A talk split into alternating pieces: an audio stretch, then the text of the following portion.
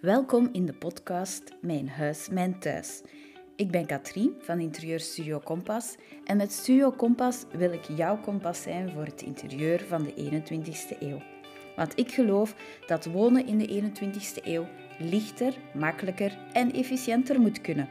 In deze podcast geef ik je tips en inzichten over wonen, zodat jij van jouw huis een echte thuis kan maken. Hallo, welkom in deze tweede aflevering van de podcast Mijn huis is mijn thuis. In deze aflevering wil ik het graag hebben over ons huidig natuurlijk gedrag. De hoofdregel Choose Your Battles. Nu, ik vind deze aflevering eigenlijk spannender dan de vorige, dan de eerste, omdat nu echt ja, de real deal komt. Hoe zeggen we dat? Ik ga jullie echt tips en inzichten geven. En ik vind dat wel spannend, want er bestaat niet één gouden tip. Het zijn verschillende puzzelstukjes die in het geheel maken dat je huis helemaal anders gaat werken en dat wonen helemaal uh, gaat werken voor jou. En er is dus geen één tip, maar het zijn verschillende puzzelstukjes waar dat je mee aan de slag moet. Ik hoop door de aflevering van de podcast dat jullie op een bepaald moment het totaalbeeld van de puzzel gaan zien. Dat jullie natuurlijk enthousiast worden, dat jullie er ook uh, natuurlijk iets mee zijn. Maar ik moet nu het eerste onderwerp kiezen. En kiezen is verliezen. dus ja, ik ga gewoon er één uitpakken en dan uh, zien we wel voor de volgende keer. Dat gaat dus over het natuurlijk gedrag. Dan moeten we weer eens kijken van hoe onze samenleving veranderd is. Want tot voor kort hadden we een vrij strenge etiketten en een opgelegde manier van wonen en leven. Alles was gedirigeerd voor ons. Je kon niet zomaar buiten de lijntjes kleuren. En dat is iets dat de laatste decennia echt erbij is gekomen. Dat ook soms ter discussie stond tijdens coronajaren. Dat het individu meer en meer belangrijk uh, wordt en dat je op een bepaald moment de discussie hebt van ja, maar wat is hier nu het belangrijkst? Het individu of de maatschappij? En dat zie je nu ook terug in het wonen zelf. Want vroeger werd dat gedirigeerd door de hoofdpersoon, die niet expliciet bepaald was, maar wel impliciet luisterde iedereen in huis uh, naar een bepaald persoon, meestal de mama. We zijn nu geëvolueerd waar dat zeker ook kinderen, maar zelfs ook de partners, hun eigen weg op gaan, hun eigen mening hebben en hun eigen gewoontes en gedrag. En standaard gewoontes of, of regels worden in vraag gesteld. Um, ik zit nu met twee pubers in huis. Zijn maar zeker dat de regels in vraag worden gesteld. Maar ons wonen is daar niet op aangepast. Ik heb al vrij vroeg ontdekt dat ik gewoon de manier van hoe dat ik mijn huis onderhield en hoe dat ik ja, bezig was met, met mijn huis, dat dat was hoe dat ik het ook gezien had. Ik heb al gezegd, dat werkte niet voor mij. Dus ik ben daar op een bepaald moment vragen bij gaan stellen. En een van de eye-openers voor mij was het gedrag. Nu, dat kwam door mijn oudste zoon. Ik heb twee heel ondernemende kinderen. Zeker de oudste weet heel goed wat dat hij zelf wilt en waar dat hij voor gaat. Dus ik had daar vrij veel uh, discussies mee toen, die, uh, van, ja, van peuter, kleuter, kleins af aan. En mijn meest gebruikte zin tegen hem was choose your battles omdat hij alles naar zijn hand wou zetten. Ik had zoiets, ja, ik wil wel met je onderhandelen, ik wil wel luisteren naar zaken, ik wil wel dingen bijschaven, maar niet alles tegelijk. En je kunt het leven niet volledig naar je hand zetten. Dat was de, de, de achterliggende gedachte. Dus ik zei heel vaak tegen hem, choose your battles. Tot ik op een bepaald moment besefte dat dat een spiegel voor mijzelf was. Omdat ik het huishouden ook volledig naar mijn hand wou zetten en dus ook alle huisgenoten uh, naar mijn hand wou zetten. Ik zag op dat moment mijn huisgenoten als de saboteurs. Het was al zo moeilijk om alles op orde te houden en, en een beetje controle te hebben erover. En dan had je die kleine en grotere saboteurs die daar zo dwars door gingen, waardoor het eigenlijk nog helemaal waardoor het helemaal om zeep was. Op een gegeven moment toen ik dat tegen hem zei, besefte ik zelf, want het ging over iets wat ik vond dat hij dan ook moest doen, dat ik zelf besefte van, ja, Katrien, choose your battles. Wat is hier noodzakelijk? Wat wil ik echt? En in die volgende stap, hoe hou ik rekening met mijn huisgenoten? Dus in plaats van zelf te beslissen en op te leggen hoe dat er gewoond werd, ben ik gaan kijken naar het natuurlijk gedrag, hoe dat mijn huisgenoten het huis gebruikten. En dat proberen te gaan matchen met en hoe wil ik dat het huis gebruikt wordt. En dat was echt een life changer. Omdat je sowieso niet voor alles de strijd aangaat. En door eigenlijk observatie je ook heel veel leert over hoe andere mensen het huis zien.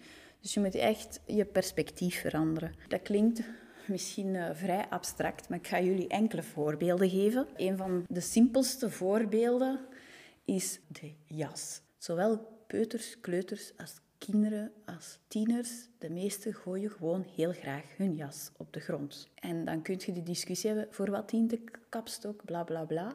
Maar elke keer opnieuw leggen ze de jas op de grond. Dan kun je gaan kijken van, oké, ik wil niet dat een jas ergens zomaar op de grond ligt. Dus ik heb sowieso vrij snel een bak voorzien waar dat mijn kleine kinderen de jas konden insmijten. En dat werkte heel goed. Ze konden de jas smijten naar beneden, maar dan wel in een bak. Ehm, na de verbouwing hebben wij een, halkast gekregen waar dat de jassen zogezegd in moeten. Dat was omdat ik echt meer rust wou eh, als je binnenkwam. Ik heb toen heel bewust ervoor gekozen om hun niet de jassen op een kapstok te laten hangen. Ik wist ondertussen dat ze dat perfect kunnen. Als wij ergens anders komen, als wij op bezoek gaan of op restaurant of zo, hangen mijn kinderen heel mooi de jas op de kapstok. Maar thuis doen ze dat niet. Ik heb er dus voor gekozen om die bakken gewoon in de kast te steken. Zij hoeven nu alleen de kastdeur open te doen en ze smijten de jas nog altijd in de bak. Pas op, dat was al een drempel, maar het was een hele lage drempel. Het is op zich heel simpel om een deur open te doen en daar de, de jassen in te droppen. Dus dat was een kleine verandering, een kleine extra drempel was, maar eentje die vrij, vrij snel en, en vlot gehaald is. En daar wil ik het even over hebben. Als je dan in gedrag, als je gedrag ziet, je kan daarop anticiperen en aanpassen. Maar je moet ook beseffen dat als je gedrag wilt aanpassen, dat dat op twee manieren kan. En de ene manier is convenience, dat is het gedrag aanpassen op de meest logische manier, zodat de drempel zo laag mogelijk is voor personen, zo makkelijk mogelijk. En dan gaan mensen je gaat dat misschien één keer moeten zeggen, twee keer moeten zeggen, maar daar gaan, daarna gaan mensen dat heel gemakkelijk doen. Wat wij meestal doen in de maatschappij, overal, en dat is, is echt crazy dat dat nog altijd zo wordt gedaan, dat is dat wij kiezen voor gedragsverandering via sensibilisering. En ik ben daar helemaal geen fan van, omdat je uh, gaat drukken op de pijn of op verantwoordelijkheidsgevoel. En door daar genoeg op te hameren, gaan die mensen op een bepaald moment zich schuldig voelen of, of beseffen van oei, ik heb hier impact en gaan dan hun gedrag aanpassen. Maar dat kost heel veel energie, zowel van de persoon die probeert het gedrag te doen veranderen, als de persoon die het moet gaan aanpassen. De boodschap moet duidelijk zijn, de boodschap moet gehoord zijn, de boodschap moet herhaald worden. Dan moet die persoon dat ook nog effectief gaan voelen, want gedrag verandert veel makkelijker als je het ook voelt. En dan gaat hij uit schuldgevoel veranderen. Dat is, dat is even side note, maar dat is nu het probleem dat we hebben met heel de klimaatverandering. Tot voor kort, en nog altijd, wordt er heel hard op sensibilisering gewerkt. Als we echt klimaatverandering willen teweegbrengen bij de mensen, dan gaan we het moeten doen op convenience. Dat was even een side note.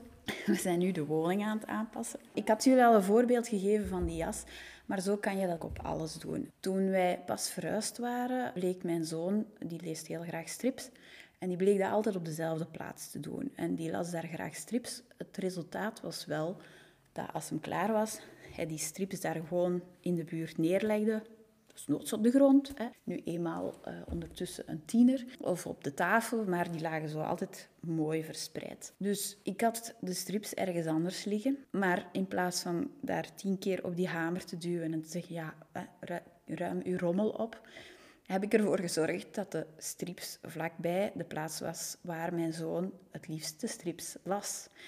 En In het begin moest ik die nog zelf terugzetten. Maar na een paar keren is mijn zoon dat automatisch gaan doen. En pakt hij gewoon nu één voor één een strip en wisselt hij de strip. En de strips liggen niet meer verspreid over de grond. Zo klinkt het misschien simpel, of ja, maakt dan nu het verschil? Maar dat kan echt wel een, een life changer zijn. Bijvoorbeeld zo ook met de boekentassen. Hè. Ze zijn tieners, wat doen ze? Ze komen thuis, smijten de boekentas uh, ergens op de grond. Net zoals kinderen trouwens. Dat is uh, denk ik universeel. Dus ik heb gekeken waar voor hun de makkelijkste plaats is om hun boekentassen neer te smijten.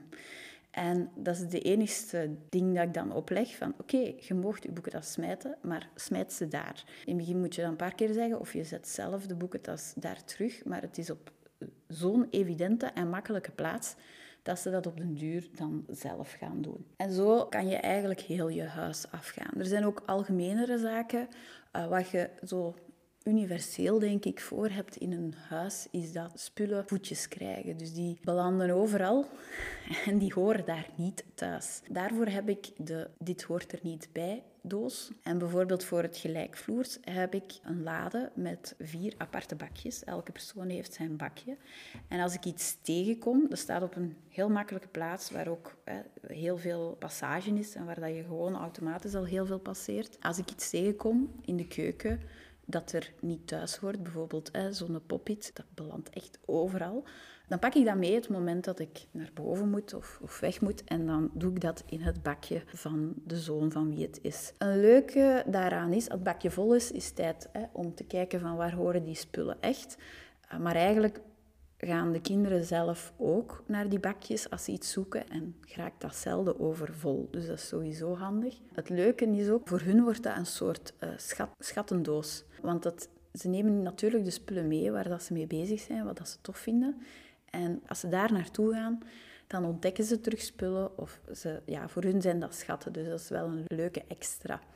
Ik heb dat ook boven op een aantal essentiële plaatsen waar dat je sowieso makkelijk passeert. Omdat ook daar dingen belanden die daar totaal niet thuis horen. En daar ga je makkelijker hebben dat die bak vol zit. En dat je zegt, oké, het wordt tijd dat ik die eh, mee naar beneden neem en dat daar eh, terug op zijn plaats zit. Hoe dat je dat dan in zijn geheel zijn plaats geeft, daar ga ik zeker nog een aflevering over hebben, want dat heeft te maken met organisatie en flow. En dat is super belangrijk. Dat is uw, uw verborgen laag in uw huis dat, waar alles misstaat en valt. Maar dit is sowieso al een makkelijke tip die je kan toepassen. Dit was het ongeveer. Ik ga het hierbij laten. Ik ben heel benieuwd wat jullie ervan vonden. En ik ben ook benieuwd of jullie met zaken aan de slag gaan. Ook als je er nog extra vragen over hebt. Of, of ja, hoe zit dat nu precies? En of een typisch voorbeeld hebt en je weet er niet meteen een oplossing voor, laat het mij dan zeker weten en dan help ik je graag verder. Anders tot een volgende keer. Dag!